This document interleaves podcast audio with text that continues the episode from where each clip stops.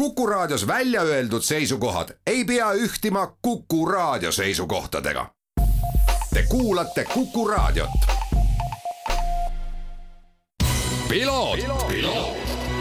ralli uudiste parima kvaliteedi tagavad Osmo õlivahad tervist, head Kuku raadio kuulajad, eetris saade Piloot ja stuudios saatejuht Margus Kiiver.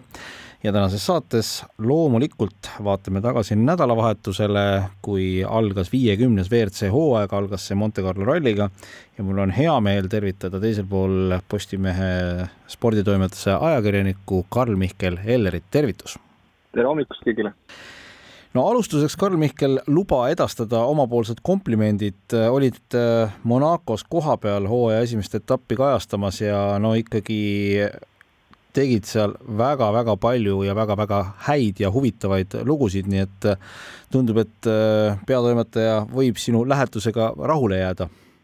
jah, et ma loodan, et nii-öelda kulu ja tulu suhe ses mõttes oli paigas, et aga jah, aga eks tuleb öelda, et endal oli ka nälg ikka päris suur, et tõsi, ega kahe rallihooaja vahel polnud ju seda pausi palju, nagu ka sõitjad ise ütlesid. et kui Monza sõideti ja nüüd äh, Monte Carlo sinna noh, kahekuulise vahega põhimõtteliselt otsa, aga enda isiklikus plaanis, kui viimane ralli ikkagi oli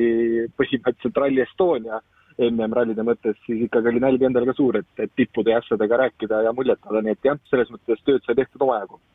Seda on tõesti hea kuulda, aga miks ma sulle helistasin, ongi tegelikult see, et, et nii-öelda uurida,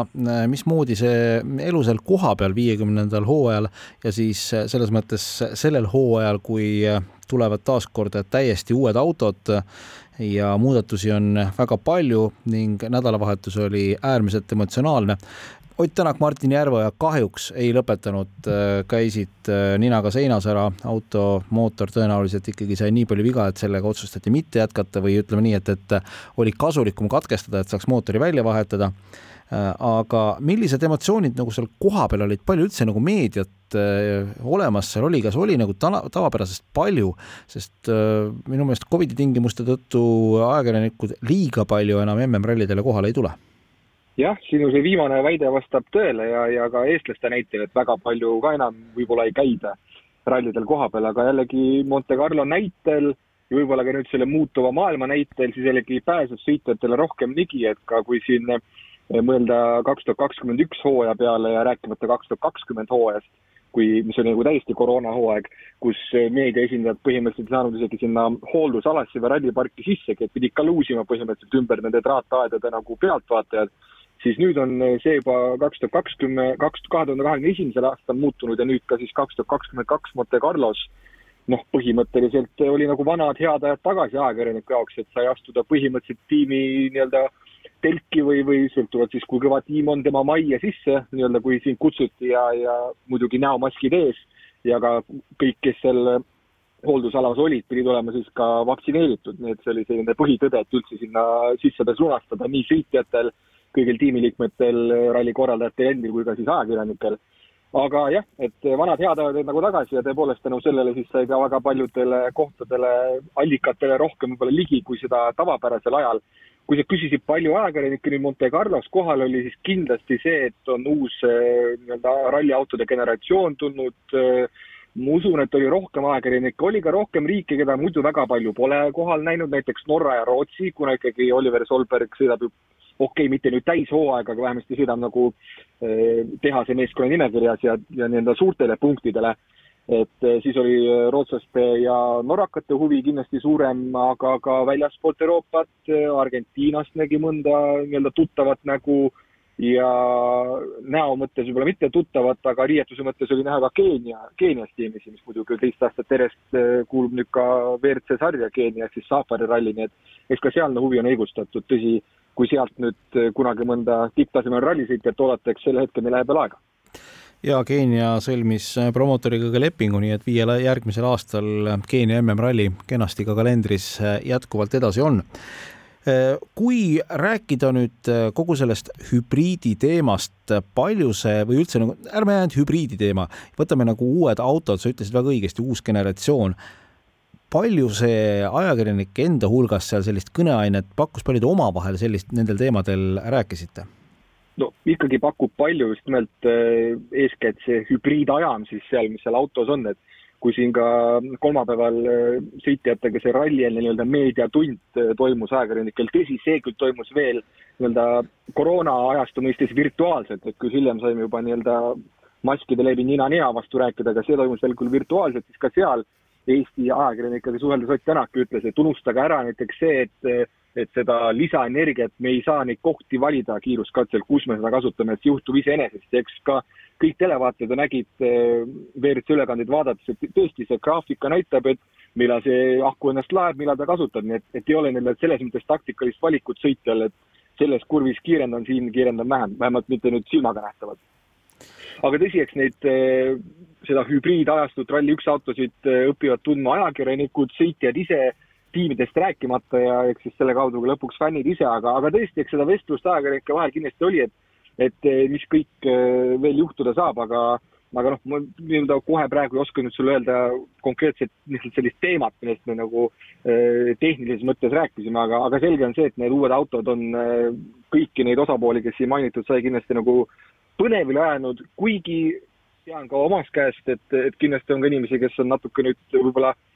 kes on tehnika usku nii-öelda siis heas mõttes äh, bensiini või, või sellise kütuse äh, hõngu ja kui nemad ütlevad, et hübriidmootor tuli WRC-sse, siis nemad enam seda sarja ei jälgi, nii et noh, et on ka neid inimesi, aga, aga jällegi võistluslikkuse konkurentsi mõttes on ju sari tegelikult praegu võitnud, eriti kui me näeme, et võib-olla mõneti vihatud sõitjad, Lööb ja Ožee, kes on ju pikalt-pikalt tiitleid võitnud ja noh, oled sa kas või Michal Schumacher, kui sa pikalt võidad, siis sul on palju poolehoidjaid, aga on ka palju vastaseid. aga näed, kui nad on nüüd tipus tagasi,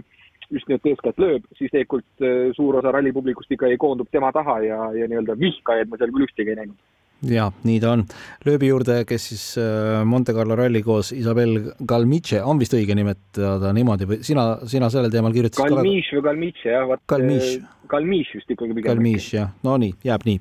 Äh, kirjutasid ka väga laheda artikli, soovitan lugeda kõigil. kui me nüüd äh, võtame autode vastupidavuse, siis enne rallit, mis oli selline ajakirjanike meelsus, sest no ikka täiesti nagu selline tume maal, keegi ei osanud midagi ette arvata, et kuidas need masinad vastu peavad ma arvan, et pigem äh, üllatasid positiivselt, okei okay,, jätame Hyundai võib-olla kõrvale, et äh, sellel Ott Tänaku ja Martin Järveoja meeskonnal oli nagu väga vähe asju, mille üle olla nüüd pühapäeval õnnelikud, kui ralli lõppes. aga põhimõtteliselt, kui me mõtleme selle neljapäeva hommikuse testikatse peale tagasi, Takamoto Katsuta alguses ei saanud üldse boksist või garaažist minema ja Tänakul olid ka probleemid enne katsele startimist, Romapera nii-öelda roomas oma auto all ringi ja, ja kas ka Greensmith vist oli seal probleemide küüsis. Et selles mõttes oli tõesti korra küsimus, et kui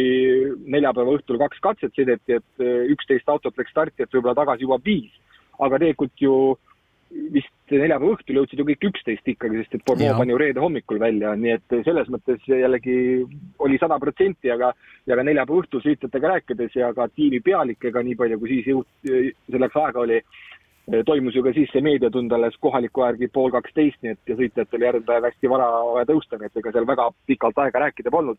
aga kõik ütlesid ikkagi seda, et oluline on see, et me oleme siin, me oleme tagasi, ütles seda ka põhimõtteliselt mees, kes oli kokkuvõttes kaheksas, võib-olla polnud väga õnnelik, aga ütles ikkagi, põhi on see, põhiline on see, et jõuti siia tagasi. ja nüüd, mida rohkem ralli edasi läks, siis hakkas kas sõiduvigade tõttu või siis tehniliste probleemide tõttu ikkagi neid intervjuusid vähem kuulma, kes ütlesid, et on hea meel siin olla, sest et nad lihtsalt ei jõudnud enam tagasi garaaži ja, ja jõudsid need mehed, mehed, kes võistlesid siis lõpuks esineliku, esikolmiku kohtade pärast. nii et selles mõttes ma arvan ikkagi need autod mõtteliselt ütleme, esimese ralli kohta vedasid välja aga nüüd muidugi küsimus äh, puudutab, mis saab kuu aja pärast Rootsis, sinna on kõvasti aega, äh, ma ei teagi, kas siin äh, kõvemad ilmaspetsid juba on vaadanud, noh kindlasti on kuuajalisi, kuuajalisi prognoose ka, et mis seal Põhja-Rootsis see ilm hakkab olema, et kui see hakkab väga külm olema,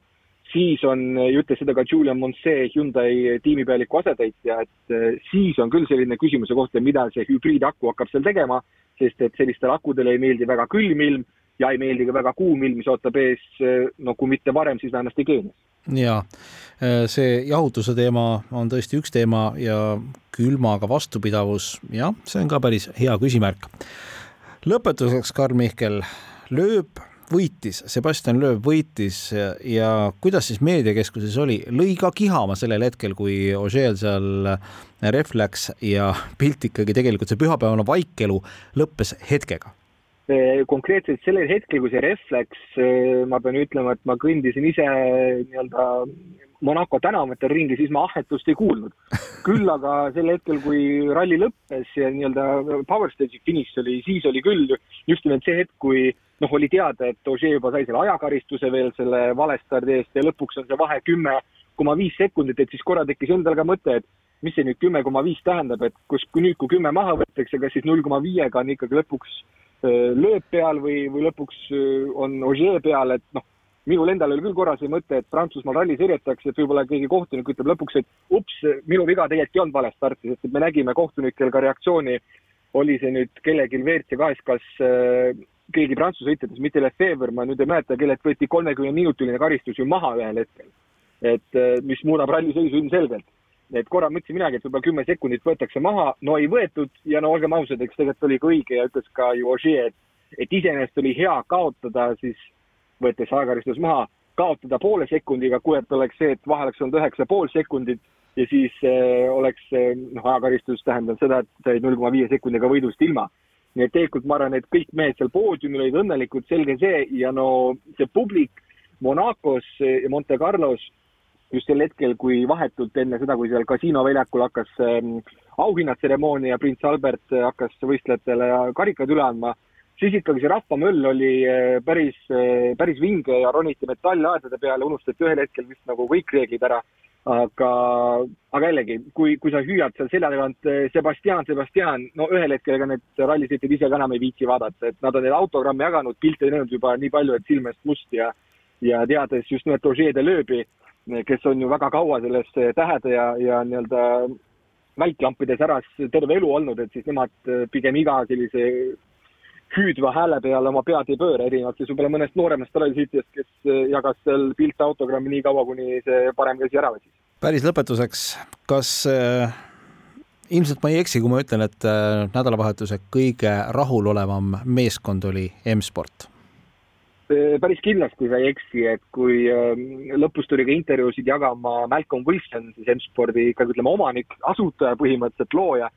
siis tõsi, tal oli küll äh, intervjuatsiooni saabudes mask ees, aga intervjuusid jagades, äh, eeskätt muidugi telekaameratega intervjuusid jagades, võttis ta maski eest ära ja no see naeratus oli nii lai, et, äh, et noh, põhimõtteliselt võiks küsida, et kes su hambaarst on, on ju, et, et nii hea naeratus. Et selles mõttes Wilsonil ikka olid suu nurgad kõrvuni ja, ja ka selles WRC ülekandes ju põhimõtteliselt võitles pisaratega neid lõpuintervjuusid jagades, et et, et sai ka ise küsitud, et millal siis nüüd lööbi uuesti näeme selles Rally1 autos, ei osanud ta sellele küsimusele vastata. ja nagu ta isegi ütles, selge on see, et rahaga seda meest ära ei osta, nii et ma ei kujutagi ette, missugused, äh,